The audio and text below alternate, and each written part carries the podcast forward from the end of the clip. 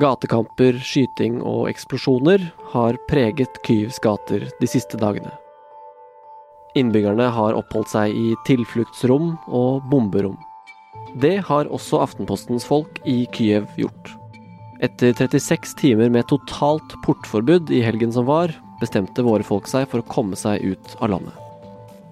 Men hvordan er det egentlig å forlate Ukraina nå?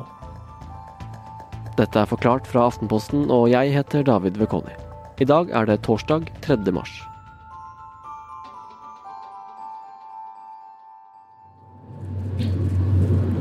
Skal jeg begynne, Kina? Eh, ja. Um, søndag ettermiddag kveld så kom det, begynte det å komme sånne nyhetsvarsler om at Putin forberedte bruk av atomvåpen. Aftenposten-journalistene Hanne Christiansen og Gina Grieg Risnes har vært i Kyiv siden den russiske invasjonen av Ukraina startet. Sammen med fotograf Jan Espedal har de tilbrakt nesten en uke inn og ut av bomberommet på hotellet i hovedstaden. Og da var det vel flere av oss som kjente at vi burde begynne å se etter veier ut. Ikke nødvendigvis fordi vi trodde at det kom til å skje, men fordi at eh, det hadde eskalert såpass mye eh, at det begynte å føles veldig eh, usikkert å skulle se det an og vente lenger. Nå er de ute av Ukraina. Og når vi snakker med dem etter en lang reise ut av landet, sitter de i en taxi på vei til en togstasjon et sted i Romania, ikke langt over grensa. Og det har vært eh, eh veldig mye snakk om at byen kommer til å bli omringet. da. Ja, og søndag fikk vi også vite at uh, Russland og Ukraina skulle møtes for å forhandle på grensen. Uh, og da lå det an til at det kom til å være et vindu da, til å komme seg ut. Det viste seg å stemme. Russland sa også at uh, de som ville ut, de burde gjøre det nå. det var ja, et ganske tydelig signal på at de som ble igjen, de kommer til å få det rimelig, rimelig ille.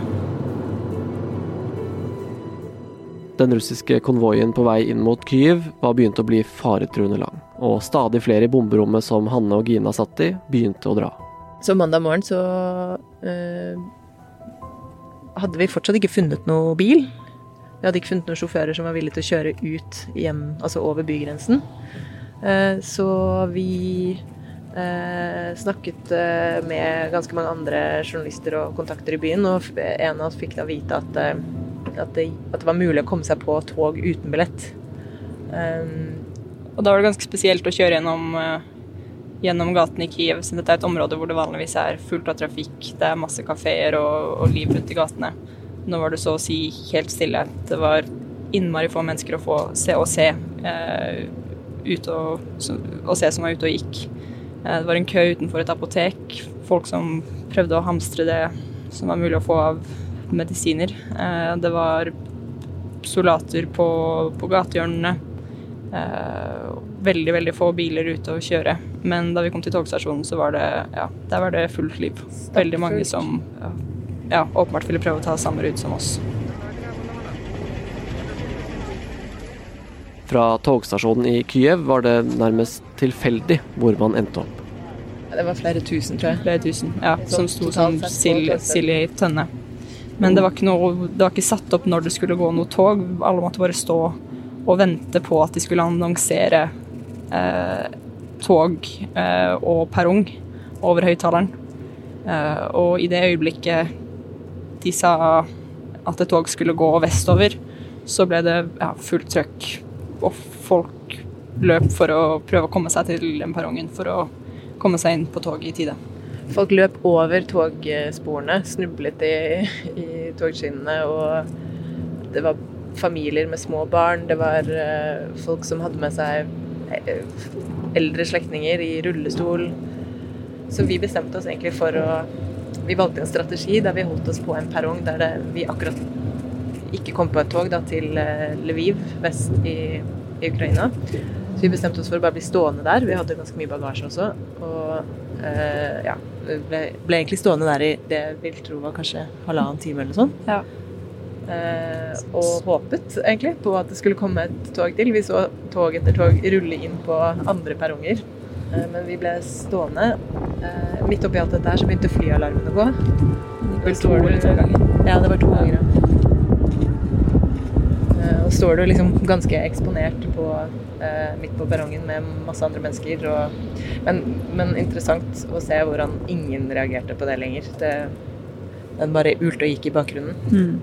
Og så etter ja, en halvannen time, kanskje nærmere to timer, så rullet det en svært sånn gammelt eh, post-Sovjet-tog inn på, på vår perrong. Og vi sto og så på det, håpet og håpet og håpet at det skulle sakke farten og stoppe. Og det så egentlig litt mørkt ut, men så gjorde det det. Så stoppet det med døren rett foran der hvor vi sto. Og så spurte vi bare hvor skal dette toget? Eh, Går det til Lviv? Går det vestover? Og det gjorde det ikke. Det gikk sørover mot eh, eh, en, en ganske liten by som ligger ikke så langt unna grensen til Romania. Og da så vi på hverandre alle sammen, og så sa vi bare 'vi tar det'. um, og det var det jo ikke bare vi som gjorde.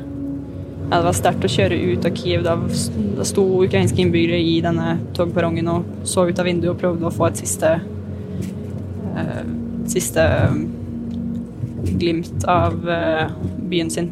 Men de ante jo ikke når de får komme tilbake, om de får komme tilbake, eh, og hvordan byen kommer til å se ut da. Samtidig er det mange som må bli igjen.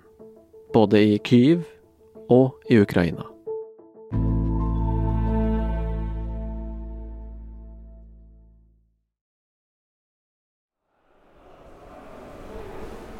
Vi så jo ikke tegn til en by som var er blitt eh, bombardert eh, da vi dro. Hanne og Gina er fremme ved nok en togstasjon, denne i Romania. Etter en svingete taxitur på motorveien og en lang togtur ut av Kyiv. Andre deler av byen er jo blitt hardt rammet. Nå er det flere sivi, altså boligområder med sivile, som, eller blokker, som er blitt eh, truffet av mm, det man antar er missiler.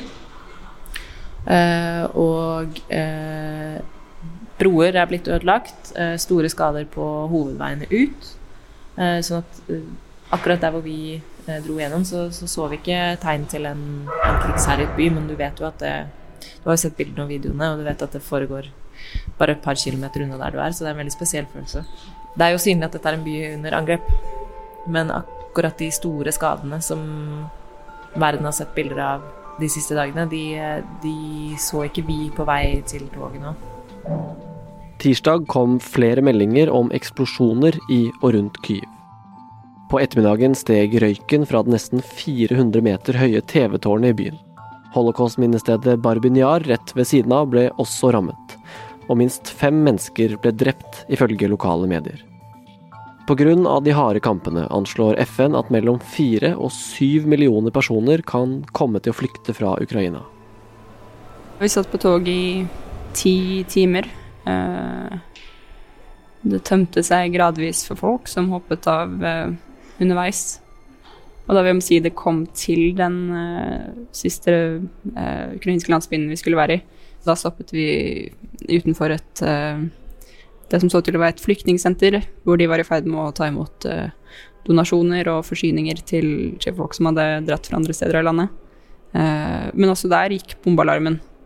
Eh, og der var det mer anspent, selv om den byen der ikke hadde blitt rammet av noe bombeangrep eller missiler ennå, så begynte folk å løpe med en gang de hørte, hørte sirenene. Tog og biler er stappfulle av folk på vei ut av Kyiv, men fortsatt er det mange som er igjen i byen. De må jo rett og slett bare sitte og vente på det som kommer nå. Eh, Det er snakk om at eh, Kyiv kan omringes, eh, at forsyninger inn kan stanses. Det begynner allerede å bli tomt i butikkene for mat, for vann. Så ja, de som er igjen i Kyiv, de kommer til å gå en ekstremt krevende tid i møte. Og så er det jo mange også som blir igjen for å for å forsvare byen sin. og noen av de vi møtte på toget, sa også at de av mennene vi møtte på toget, sa at de ville få familien sin ut nå, men så vurderte de å komme tilbake for å, for å kjempe mot russerne. Vi møtte jo flere par på, på, vei, på, vei, ut, på toget og på togstasjonen nå for øvrig, og har hørt eh, samme historiene eh, gjennom hele helgen om, om unge menn som, som ikke slipper ut av Ukraina. Det er ikke mulig for en mann i kampdyktig alder å, å forlate landet på samme måte som kvinner og barn kan. Da.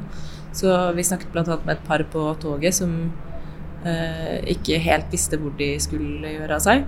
Eh, fordi de naturligvis eh, ikke ønsket å bli skilt fra hverandre.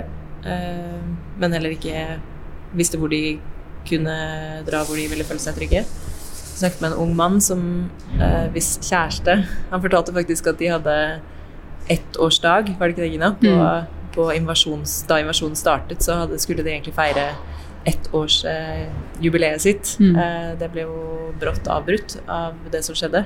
Eh, og hun har siden klart å ta seg ut til EU og, og reist til Frankrike, mens han ikke har mulighet til det fordi han da kan komme til å bli bedt om å kjempe og forsvare landet sitt. Hvis han prøver å stoppe grensen, så kommer han mest sannsynlig til å bli eh, ja, tatt tatt inn til militæret og send, bli sendt et eller annet sted for å, for å kjempe mot russerne. Og Det er sånne scenarioer man, man, tenker hører andre verdenskrig til, mm. som nå utspiller seg, historier som utspiller seg i Ukraina, som er veldig ja, Det er nesten uh, vanskelig å ta inn over seg, egentlig, hva, mm. hva disse menneskene står i nå. Vanligvis er det relativt trygt å være journalist i en krigssone. De går med synlige pressevester og er ikke mål i krigen. Men da Hanne og Gina skulle forlate Kyiv, så ble også denne tryggheten utfordret.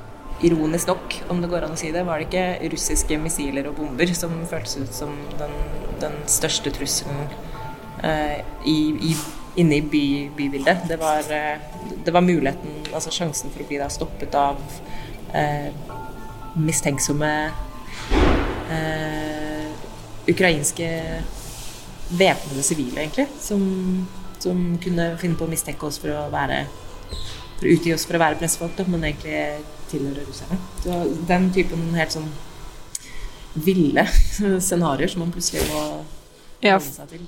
Ja, for som eh, eh, Hanne sa, eh, at de kunne mistenke at vi utga oss for å være pressefolk. De meldingene hadde vi også eh, fått et par dager i forveien om at ukrainske myndigheter hadde stanset russiske sabotører som hadde kjørt rundt i, en pressebil, og de utga seg for å være journalister.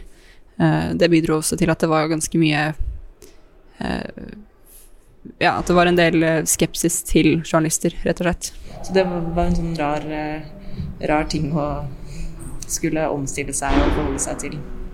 Det bare illustrerer litt den det kaoset da, som herjer, og den usikkerheten som herjer. Uh, og hvor, hvor, farlig det framsto ja, i hvert fall hele helgen, og i hvert fall på mandag, og skulle forsøke å komme seg ut. Ja, og så er det viktig å få frem også at ukrainere vi har snakket med, de, de har ikke vært noe skeptiske til presset. De har veldig velvillig delt sine historier og grusomme skjebner fordi de ja, de som er i Kiev nå, de vet at de kommer til å sitte fast der. Ja, ligger an til å sitte eh, fast i det som kan bli et ganske heftig bomberegn den kommende tiden. Eh, og de vil egentlig bare at verden rundt skal høre, høre historiene deres og vite hva som skjer. Men hvordan skal krigen dekkes nå, da, når uh, mange journalister som dere og andre må komme seg ut? Det er ingen tvil om at det å reise fra en by som står overfor det Kyiv gjør nå, som journalist, er et utrolig vanskelig en utrolig vanskelig ting å gjøre. Det var ikke et valg som var spesielt enkelt, og det er jo fordi at hvis alle de internasjonale journalistene forsvinner, så, så blir det jo desto viktigere for ukrainerne å få historiene sine ut. Og for pressen å verifisere den informasjonen som kommer eh, Informasjonen som, man, som, florerer i sosiale medier, men som er veldig vanskelig å verifisere hvis ikke man er på plass. Eh, det er fortsatt internasjonal presse, og ikke minst ukrainske journalister i Kiev, eh, hvor mye de får jobbet dersom det blir veldig mye heftigere, er jo et stort spørsmål. Men det er jo dessverre sånn at hvis man ikke har pressefolk på bakken, så blir det vanskeligere å få fortalt historien på en måte som ikke er farget av propaganda. Dere er jo på vei til Norge nå. Hvordan tror dere at det kommer til å bli å komme hjem da, mens krigshandlingene fortsetter i Ukraina? Uh, det blir uh, tungt, tror jeg. Det er kjipt å dra med en følelse av at man har Ja, at man etterlater folk man har snakket med og fått veldig, veldig god kontakt med. Uh, men dette er mennesker vi kommer til å fortsette å ha kontakt med og kommer til å, å følge opp eh, så godt vi kan fra Oslo. Så ja, det er tungt å dra ut, men eh, vi kommer til å fortsette å arbeide fra Oslo.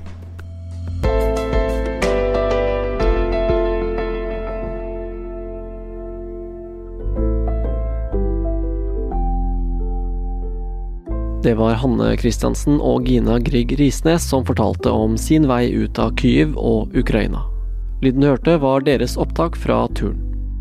Episoden er laget av produsent Ulla Rafaelsen og meg, David Vekoni, og resten av Forklart er Anders Weberg, Anne Lindholm, Tride Næss Nonstad, Marte Spurkland, Synne Søhol og Jenny Førland.